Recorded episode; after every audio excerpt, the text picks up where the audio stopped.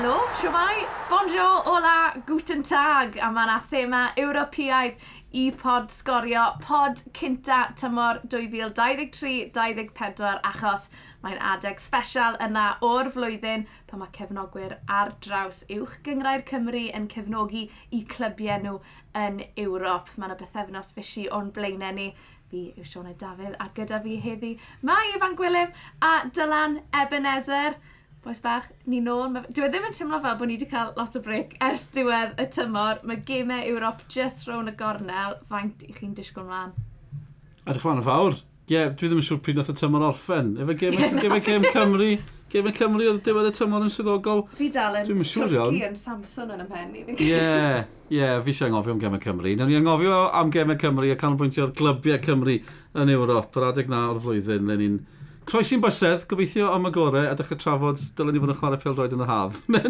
Ond dim haf yma, ni'n hyderus. Pedwar clwb yn ôl yn Ewrop. A ie, yeah, mae yna ma gyffro o gwmpas rhain am y tro cyntaf hefyd, rhain am y tro cyntaf blynyddoedd, felly mae'n edrych yn, yn gyffroes iawn mae hwnna'n beth ni'n neud yng Nghymru fe, ni'n ni, exciting iawn bod ni'n nôl lan i pedwar, achos gen i ni mwy na unrhyw wlad arall yn excited am coefficient points, a gwybod fe sydd, na pam ni gyd yn cefnogi'n gilydd, achos ni'n gwybod bod faint o pwyntiau sydd gyda ni yn meddwl faint, faint o dimau sydd gyda ni'n euro. Dwi'n dilyn yn ffrindiau mas o dafan weithio, na, na, na, please dyr yn ôl, na esbonio fe ti, mae fe'n rili really ddiddorol, please dyr yn ôl, pam le chi fynd, le mae pawb yn mynd? Hoff atgofion chi o uwch gyngrau'r Cymru yn Ewrop? Wff. Edrych mlaen, uh, atgofion o dyddiau cynnar pan oedd y bari yn chwarae Aberdeen, y nhw'n Kiev ar ein i gyd, ar un gorau i fi fi'n credu, es i Copenhagen gyda Cerfyrddin, blynyddoedd maith yn ôl. A nes nhw'n chwarae'n rhywun dda. Mae'n fel can bydde ti'n Do, ydy, ydy.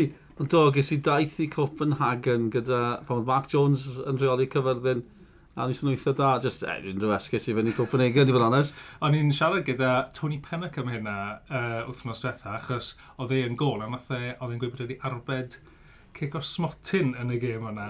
Fi ddim yn cofio hynny. Marcus Olbeck yn cymryd y gic, a mae Mark Jones wastad yn gweud goffa fi o hwnna yn gweud, oi, great keeper, great keeper Tony. Oedd y gohebwyr methu credu'r peth, gohebwyr lleol, ond nhw'n meddwl bod nhw'n ennill tua deg i ddim. Oedd gyfod nhw'n chwarae'n rili dda i fod yn deg a just colli y ddwy ddim. A geisio nhw sioc, oedd hi'n mm. braf iawn. Atgof gorau fi yw un cyntaf fi o wylio gêm, sef Aberystwyth yn erbyn Floriana yn yr Int wow. Intertoto Cup. A oedd hi'n ddwrnod crasboeth a just achlysur mawr a fi credu dyna beth fi'n eiddigeddus o cefnogwyr go iawn pen y bont achos mae fe'n mynd i fod yn just yn gymaint o achlysur i dre yna mm. bod pob un gallu troi lan i, i gefnogi'r gefnogi nhw am y tro cyntaf yn Ewrop, achos mi'n gwybod hwnna'n un special y tro cyntaf yna.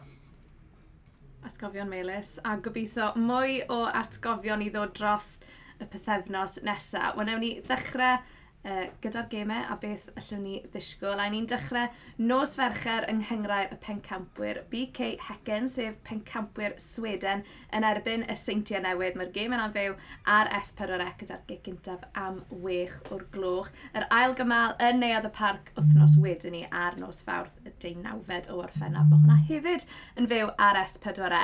Mae Cyngres Ewropa yn dechrau dydd iau y trydydd ar ddeg o orffennaf gyda tri tîm o Gymru yn cystadlu.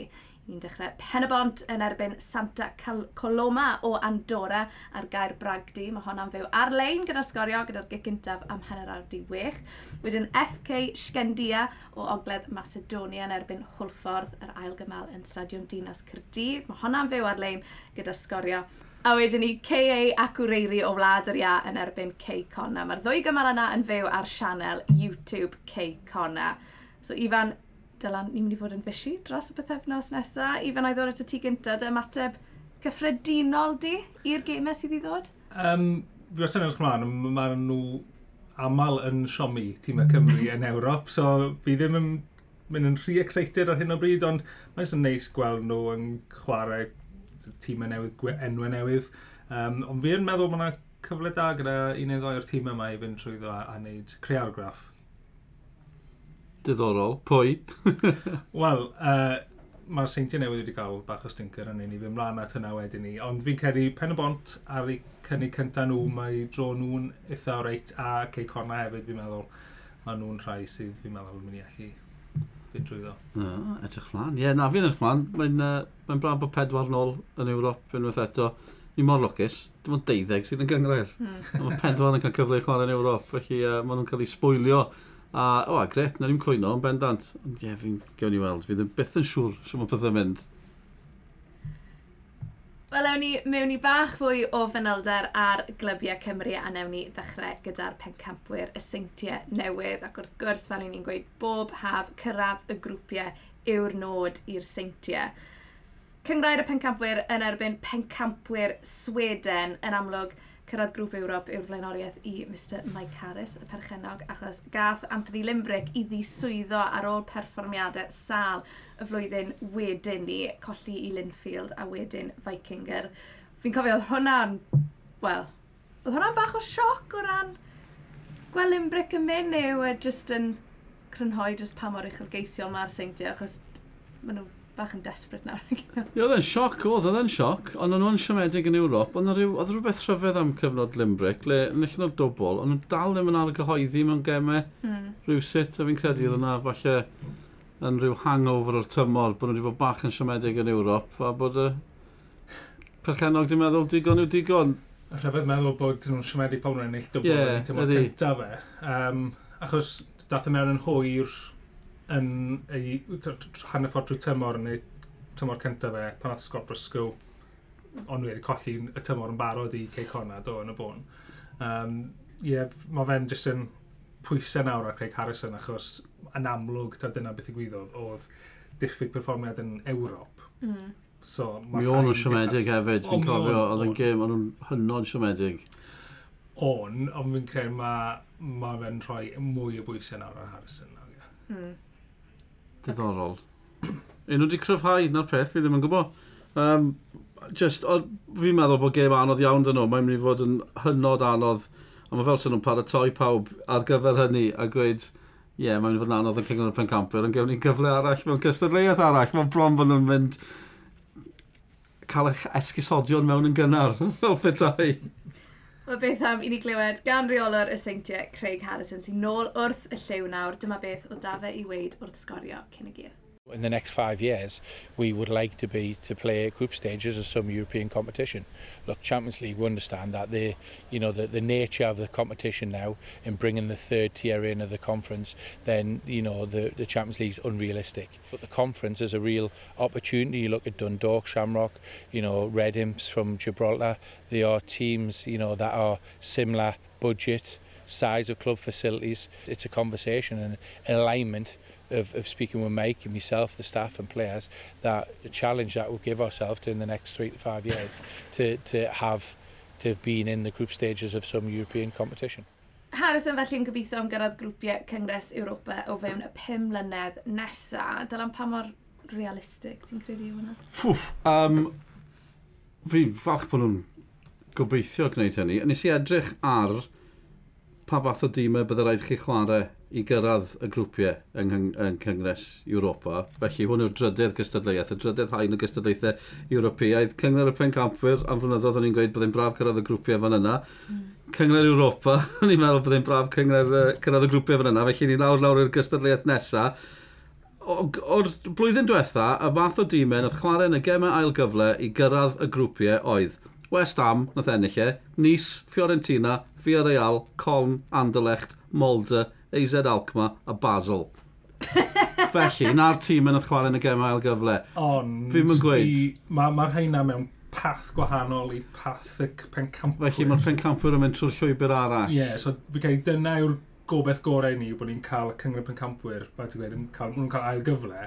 Yeah. I pen y bont Cey Conna a Hwlffordd, dyna'r rŵt byddwn nhw'n mynd i yn erbyn y tîmau sy'n dod mewn. Si weld llwybr y pencampwyr, digwydd bod, ydy, mae fe'n edrych tipyn mwy cynedig. Ydy, ond on, mae fe gyd am y ti, ennill y gêm gyntaf yna, mor allweddol i ti'n neud hynna, achos os yw ti'n newydd yn colli yn erbyn hecyn, maen nhw'n cwmpo'n syth lawr i y gyngres, sy'n meddwl bod rhaid nhw ennill tri rownd mm.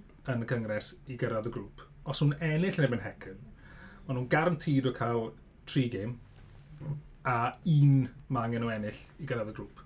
Mae'r gwahaniaeth yna'n masif. A So mae eisiau ti gael dro bach neis i ddechrau off, da fi ddim yn meddwl bod Hecen yn un ohonyn nhw. No.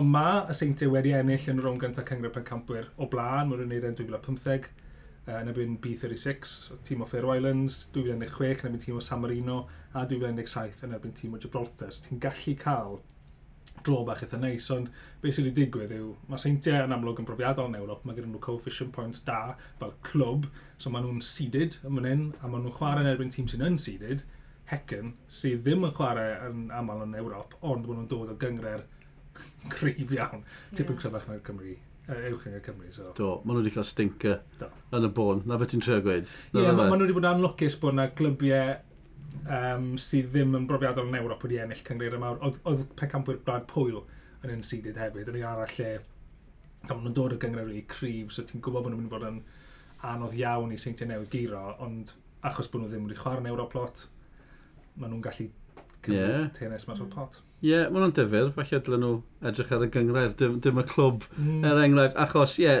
ni wedi clywed gymaint o hynny am Hecen, mm Bydd llawer ddim wedi clywed o gwbl, ond maen nhw'n ben campwyr. Tasen nhw'n chwarae Malmo, mm, yeah. neu rwy'n fel la, byddech chi, neu Stockholm, un o'r clybiau yeah. Halmstad, byddech chi'n meddwl yn sydd, o, ni mae'n trwbl fan hyn. Mae Gothenburg, o, tîm o Gothenburg un nhw, ond erbyn hyn, nhw yw'r prif yeah. tîm Gothenburg. Gothenburg y stryglan yn gwylod y gyngor yn allu o'n nhw yn Gothenburg dros y penwthnos. Ond oedd Craig Harrison di mynd i wylio? Ie, yeah, sure. Oedd ei wylio nhw'n chwarae y stadiwm enfawr Gothenburg, ond ie, yeah, Hecen yn, yn ennill honna.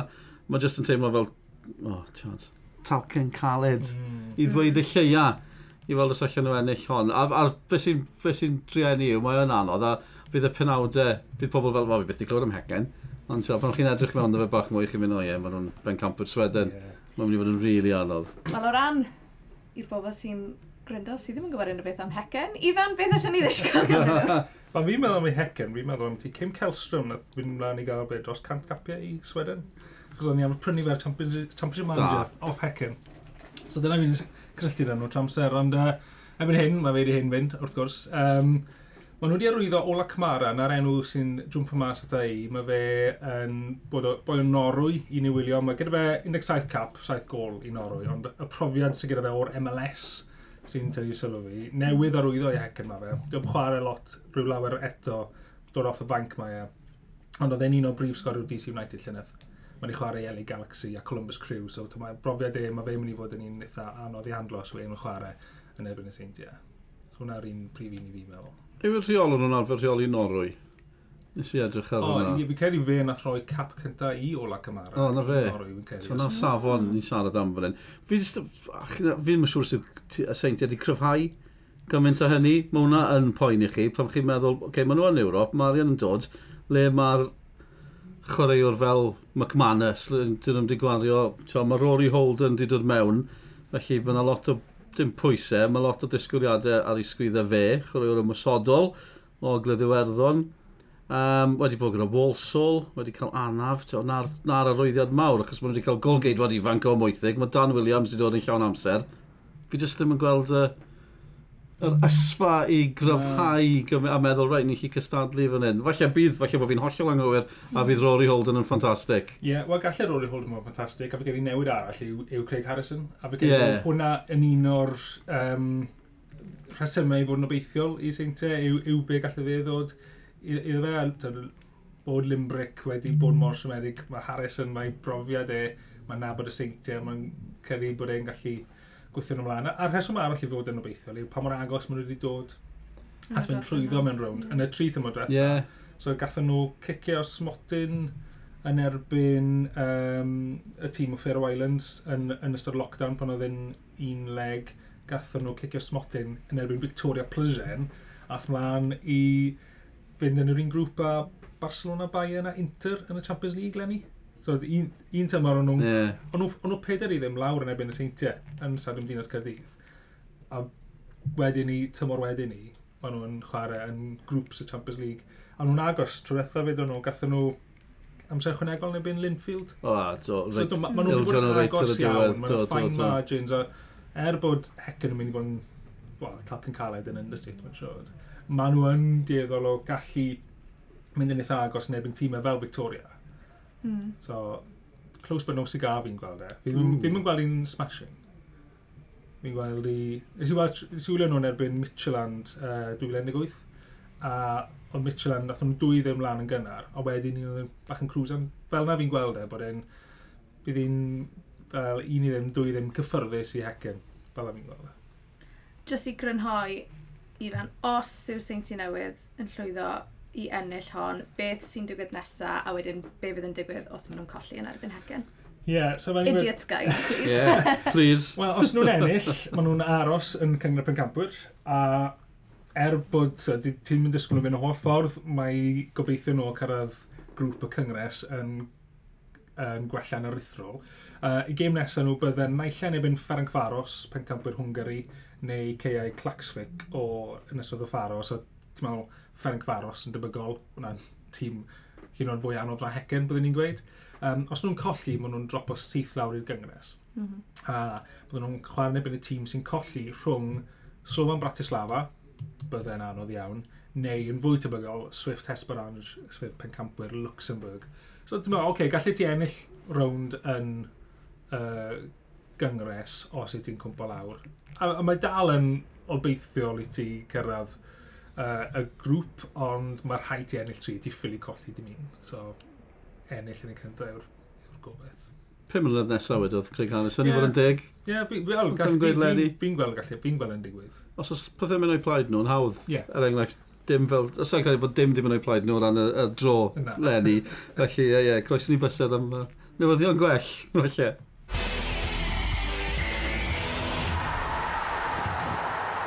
Reit e, ni mlaen i'r tri dîm o Gymru sy'n chwarae yng Nghyngres Europa dros yr haf. Mae pob un o'n nhw, gan gynnwys eu gwrthwynebwyr nhw, yn chwarae eu gemau cartre nhw o ddi cartre. Bach yn confusing, ond newn ni drafod mwy yn y man. Ond newn ni ddechrau gyda reolwr Pen y Bont, Rhys Griffiths. Dyma fe'n esbonio i dewis nhw ar gyfer lleoliad eu gemau Ewropeaidd nhw. Yeah, we're, we're in an increasingly wet brewery field in, in Bridgend, which is the rugby ground. Quite a famous rugby ground in many ways. Uh, thank, for, th- thank God for this rain, actually, because we've been desperate to get rain on the pitch because of the drought we've had lately. But because of the, the rules and the regulations, our ground isn't compatible. Um, there's some controversy because uh, the Andorrans ground isn't compatible either, but they're allowed to play on it. But Yeah, so we've brought the game to here, and the most important thing for us was that we kept it in Bridgend. We had the option of going to Cardiff City, Leckwith, some people will know.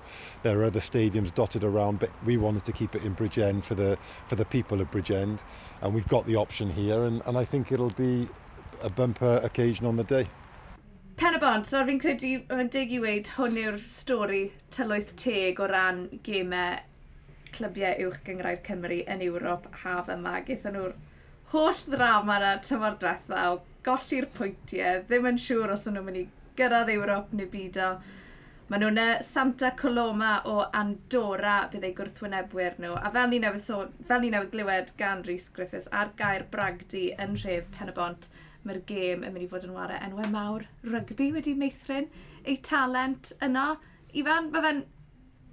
Fi'n credu hwn yw, o ran y clybiau i gyd, hwn yw'r lleoliad gorau o ran y clybiau, achos mae fe reit yng nghanol y dref, dylsyn nhw gael torf eitha dan. Fi'n gwybod mae'r ffaith um, bod nhw ffili cael cefnogwyr yn sefyll, di effeithio pethau tipyn bach, maen nhw'n gorfod um, bod yn eistedd lawr. Ond mae fe'n mynd i fod yn achlysur really special nos iau.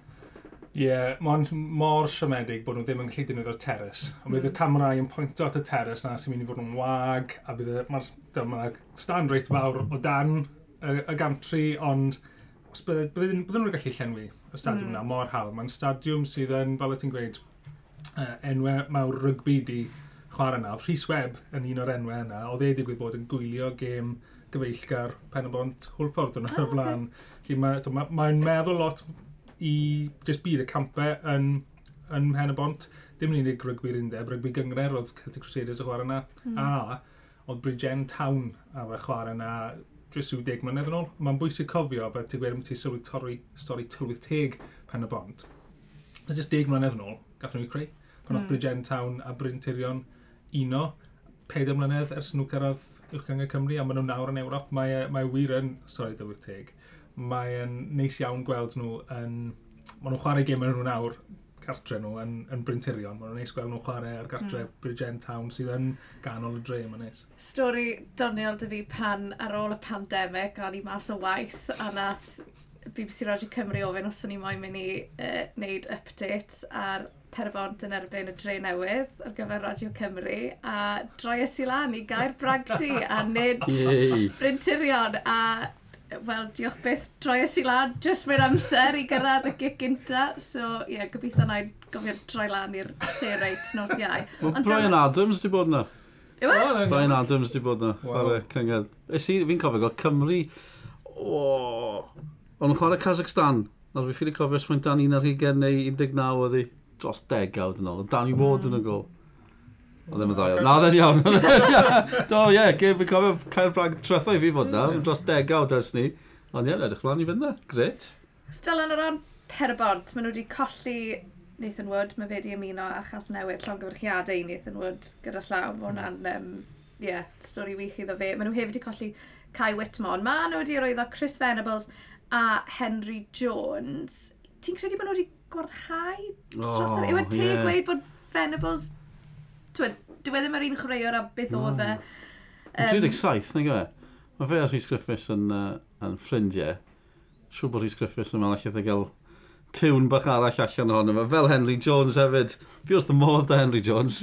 Ond um, mae Henry Jones nath o'r bona yna. Doth mewn i'r gyngor gyda Bangor yn uh, cyn mynd i bala. Yn un gwahanol iawn. Sgwn i syw Rhys Griffiths yn meddwl gallai e gael rhywbeth allan o Henry Jones. Ac mae'n teimlo bod angen rheolwr cryf arno fe, os galle, mae fe'n dipyn o chwaraewr, ond ie, ni ddim wedi gweld llawer o hynny. Ie, chwaraewr wedi mewn o bont ar dawe, mae mm. Dan Griffiths wedi dychwelyd. Dwi'n yn teimlo fel bod nhw'n gryfach. Ie. Yeah. Mae nhw'n dymor yn fwy profiadol, ond ie, dyn nhw ddim wedi... Um, Be sy'n taro fi... Mynd amdani, felly. Gwylio nhw mewn dwy gêm gyfeillgar, a be wedi taro fi yw... Cema, anodd gweud mewn gêm gyfeillgar, mae chwaraewyr y cyfniadau newid yn ystod mm. yr 180 munud a ti'n gwylio.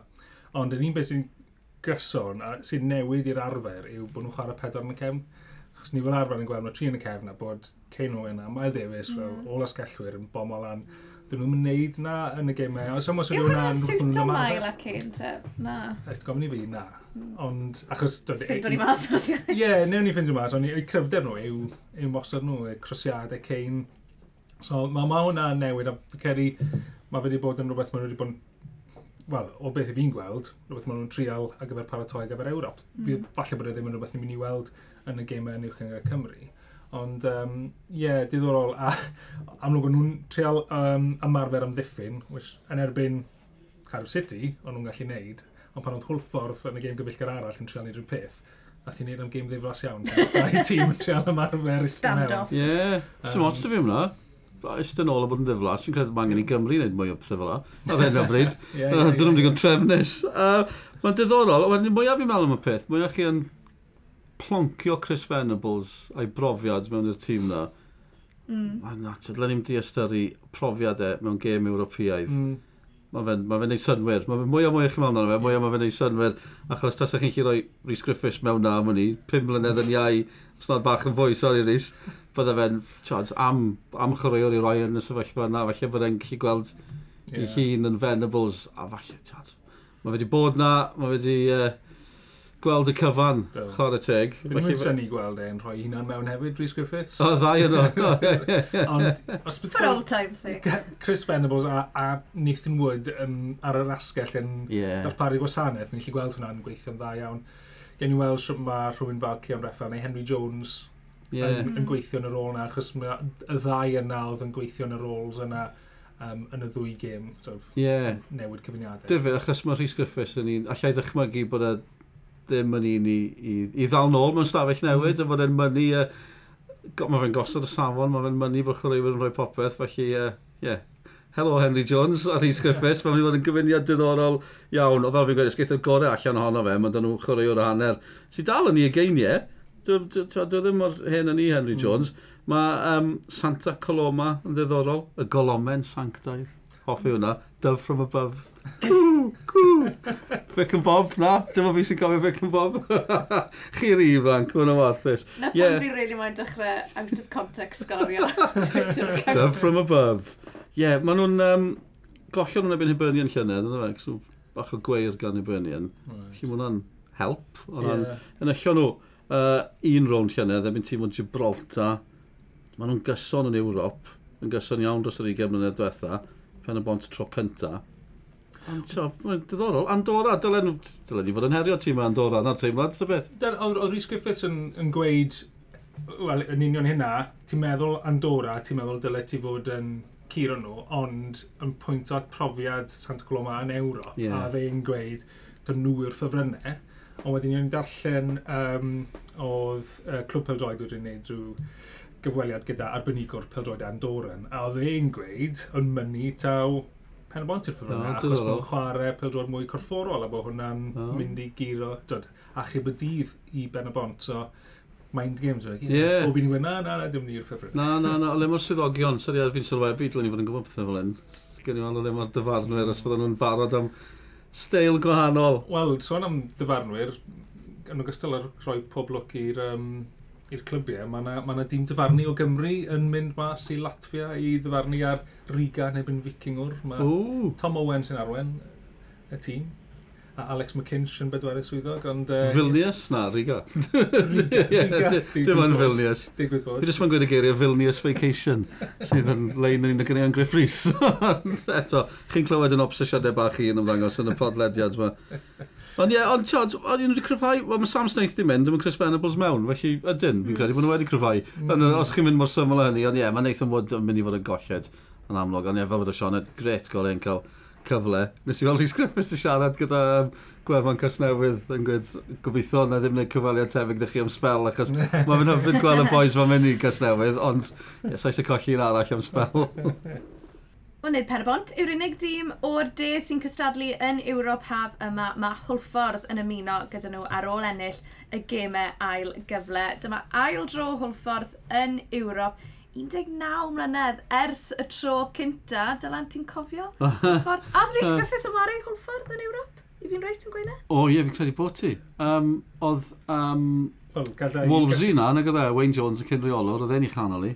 Oedd, oedd Rhys Griffiths yn chwarae yn y gymal gynta, ddim yn yr ail un, a ni'n meddwl falle achos bod i'n afu, ond oedd yn gweithio fi dyn o'r blaen, achos bod i'n trosglwyddo i gyfyrddin yn yr ah. wythnos rhwng y ah. ddwy gym. Ond o'r Balcninian, Ond gollio nhw yn agos yn y gêm gyntaf, y colli tair un oedd i cartre. Da fi rhyw frith gof ohono fe gyd. Ond, um, ie, yeah, fi'n cofio bod o'r barc mynian, ty beth. Achos yr adar gleision, yng nghartre yr adar gleision. Yes. Yn i beth, fi'n cofio fel o'ch honest. a maen nhw nôl yng nghartref yr adar gleision, fe fydd hwlffordd ymwarae i gemau nhw yn Stadiwm Dinas Cyrdydd. ond newn ni drafod hwnna yn y man, ond yn gyntaf, beth o'n mynd i glywed gan i reolwr nhw Tony Pennec, a mi obeithio ne am Ewrop ar ôl i hwlffordd ennill y gemau ail gyfle.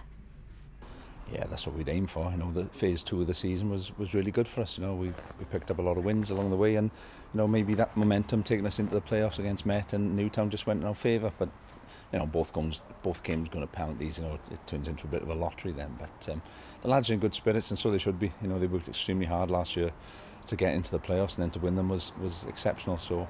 You know, we're not just going to make the numbers up in Europe. That's something we said from the word go, really, and uh, we're going we're to give a good account of ourselves and that's why we've been training for a number of weeks. Pob fi'n clywed Tony Pennock yn siarad, fi'n credu bydde fe'n neud audiobooks really da. Mae llais really da dy fe, ond Ifan, Tony Pennock eisiau creu argraff bositif ar y gystadleuaeth yma. Sma nhw just yn Ewrop i gael bach o sport. Na, mae'n neis gweld bod e'n gweud hynna, bod nhw moyn um, good account of themselves, um, fel oedd yn gweud. Mae fe'n mynd i fod yn anodd iawn yn erbyn sgendia, achos maen nhw'n dîm sy'n brofiadol dim mor hir yn ôl, ond nhw'n curo y seinti newydd o 5 gol i ddim mas mm. yn Gogledd Macedonia. Um, maen nhw'n chwarae fel arfer mewn pentref nhw teto fo sydd rhyw awr o um, sgopiau, ond maen nhw'n chwarae i gêm cartre nhw fel mae uh, Hwlffordd yn gwneud yn stadiwm cenedlaethol. Felly mae hwnna'n mynd i fod yn help a oedd Tony Pennec yn gweud bod hwnna yn ffactor mawr iddyn nhw o ran y paratoiadau nhw, faint maen nhw'n gallu... Um, yeah, faint o hassle yw e iddyn nhw. Yn neis gweld bod Sgendia a Hwlffordd yn cynnig tocynnau am ddim i gefnogwyr oddi cartre. Mae'n meddwl hwnna'n eitha neis. Mae'n uh, diddorol gofio mae Hwlffordd di arwyddo, neu pwy maen nhw wedi bod yn arwyddo, rhaid i gadael, fel ni wedi sôn.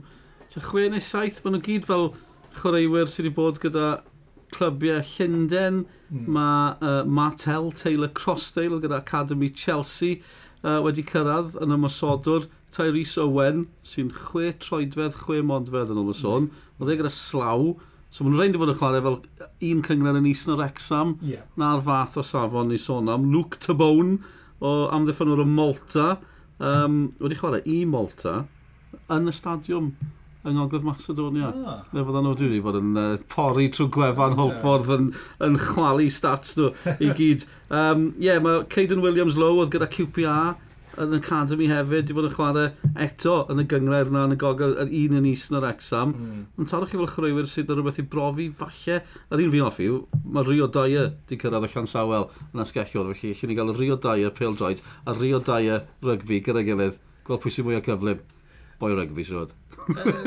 Siwrs. Mae fe eitha fast. Uh, Tyrese Owen, mae ti'n gweud, chwech, chwech troedfedd a chwech modfedd, o dath nhw mlaen i, to pan nhw'n gwneud y pitch walk cyn gym, oedd yn edrych fe bod e'n mynd bod unrhyw uh, athro ysgol gynradd yn mynd â plant mas. Mae'n i'n wedi Ben Fawcett y sefyll yeah. nesaf fe, oedd e'n huge. Mae'n dweud beth sydd, bydd e'n difyr gan yn y gyngred, Os yw'r ein i gyd, mm. mae'n dod yn atro tymor, mae'n mm. swnio fel bod nhw'n teimlo fel bod nhw'n cryfhau pwy o wyrus bydd yn ddigon yn Ewrop, ond yeah. maen nhw'n mynd i fod yn... Uh, Ie, yeah, defer i gwylion yn y gyngred pan mwna'n dechrau. Oedd yn edrych yn eitha, yn tîm eitha anghyfarwydd yeah. o gwylio nhw, achos ti'n meddwl nôl i'r rhedyn na gath nhw'n gymau gyfle, mm. mae pob chwaraewr na sgorio cicio'r smotyn yn erbyn Met neu Dre Newydd ar y ffordd mewn, does dim un o'n nhw'n mynd i fod yn chwarae yn yeah. Ewrop.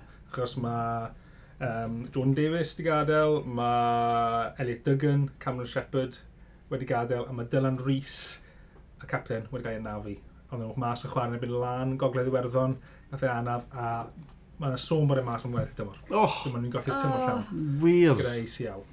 O, oh, drian. Yn golli'r mawr hefyd. Ydy, ydy, ydy. Wel, lot o newidiadau ran holl ffordd felly. Mae ddifyd ar cadeirydd mm. o Linden a do Llundain os yna gysylltiadau na fi. Mae'n gwybod, jyst gweld y, o le mae'n chrwywyr, mae'n i bod yn chwarae. Mae'n difyr gweld sut na nhw. Uh, Ie, maen nhw wedi newid pethau. Mm. Felly hmm. bydd... Uh, Gen i weld sy'n mae Tony Pennock yn mynd amdani. Fi'n teimlo fel bod dal eisiau therapi arno fi ar ôl cicio'r o'r smartyn hol ffordd ar y gêm ar gyfer diwedd tymor drethau. Oedd e mor dramatig. Ond hefyd fel wnaethon ni sôn, maen nhw'n chwarae i gemau nhw yng Nghyrdydd yn Stadiwm Dinas Cyrdydd. Ifan, penderfyniad?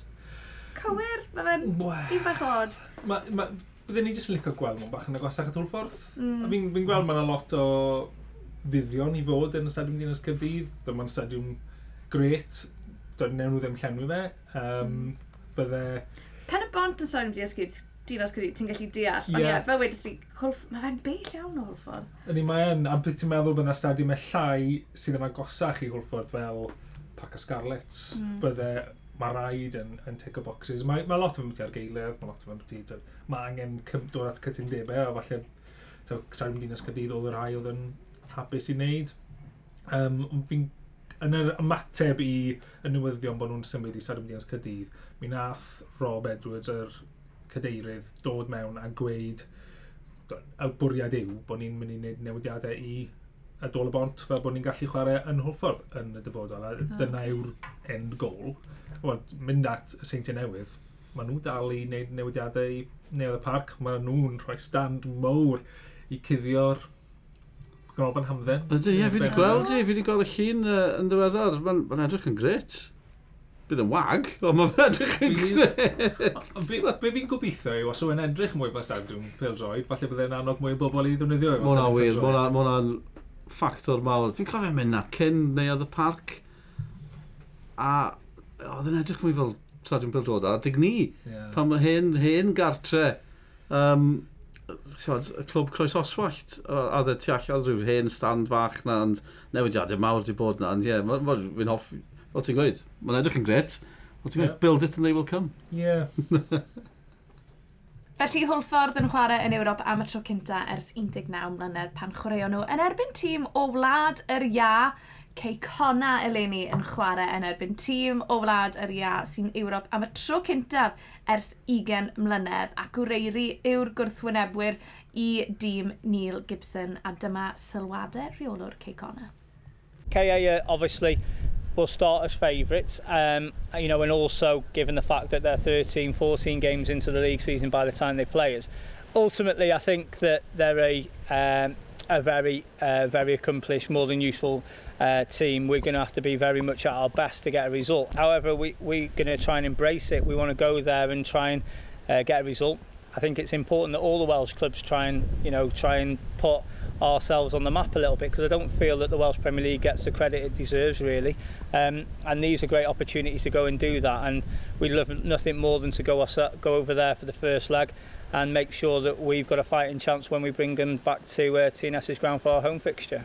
Cornish Nomads has a history of upsetting people. You know, oh, in the past with Andy Morrison, there was a number of upsets in uh, cup competitions, and we would like this group to be able to put their own sort of uh, names in the record books and try and upset KA initially, and then if we're able to do that, well, we'll uh, we'll, we'll we'll turn our attention to the next one.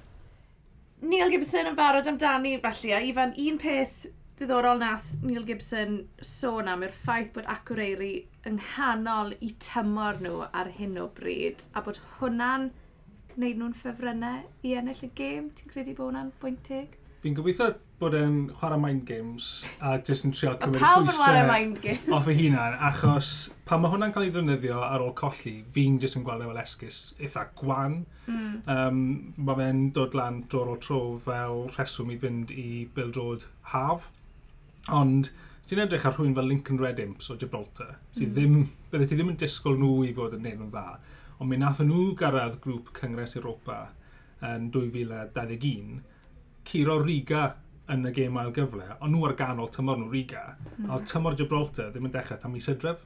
So dyn nhw ddim yn defnyddio fel esgus. So sa'n gweld pam dylen ni fod yn neud, os, os oedden nhw'n gallu neud e, fi, fi jyst yn gweld e fel e-, esgus i trel rhoi'r bai rhywle arall yn hytrach na edrych arnyn nhw hunan. Fi'n offi uh, y chwaraewyr mae'n dirwyddo. Mae'n just, mae'n wych. Just typic Neil Gibson. Chwaraewyr Gibsonaidd. no Edwards, Kai Edwards, Declan Poole, Jordan Davis. Mae Ryan Stratulis na, mm. yn barhaol. Oedd e'n edrych yn dda ar y degau tymor diwetha.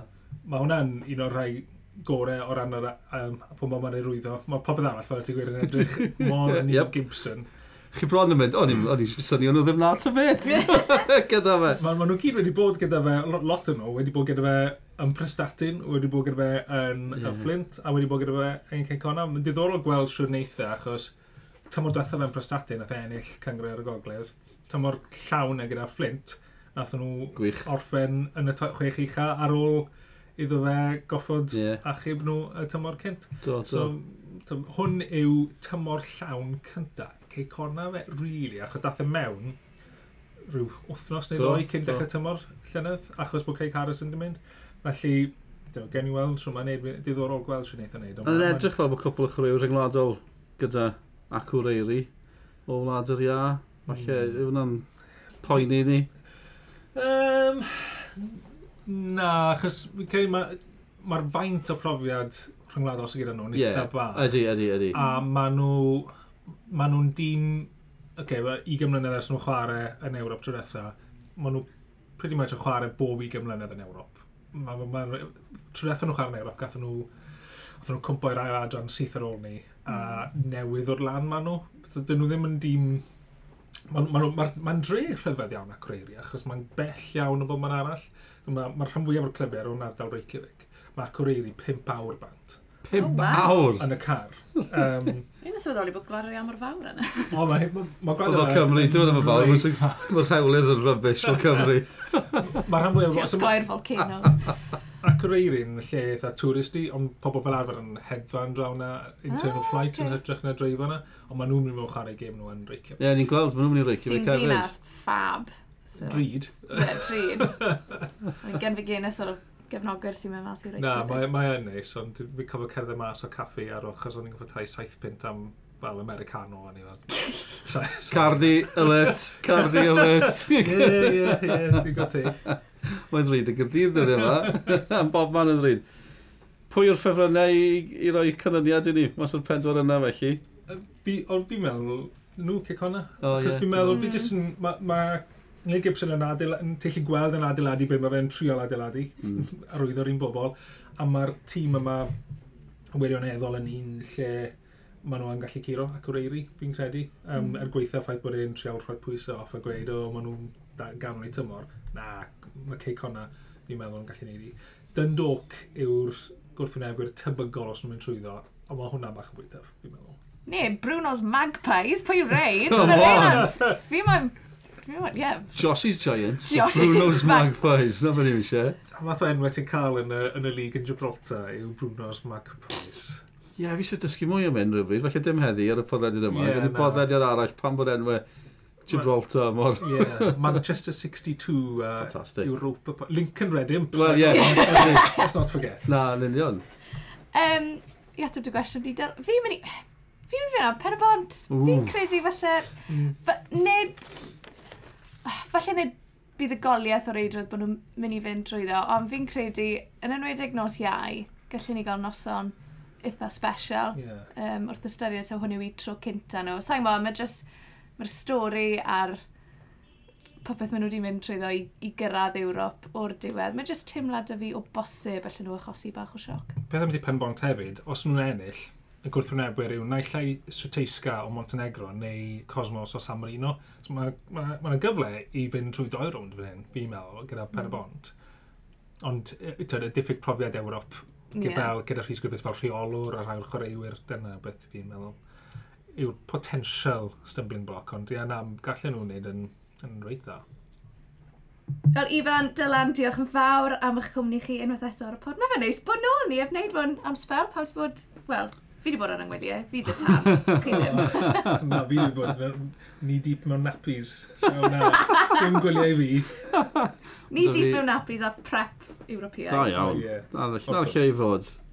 Ond fe'n braf iawn bod nôl ar gyfer y tymor newydd, ac fel wedyn ni, mae yna bythefnos fysi o beldrod Ewropeaidd o'n blaenau ni, felly cofiwch cadw lyged ar blatfformau sgorio. Mae yna gemau'n fyw er ar S4C, ar-lein, i ni bob man a phob look i'ch clybiau chi os ych chi'n cefnogi nhw yn Ewrop. Diolch Ifan, diolch Dylan, diolch i chi am wrando. Welwn i chi cyn bo hir.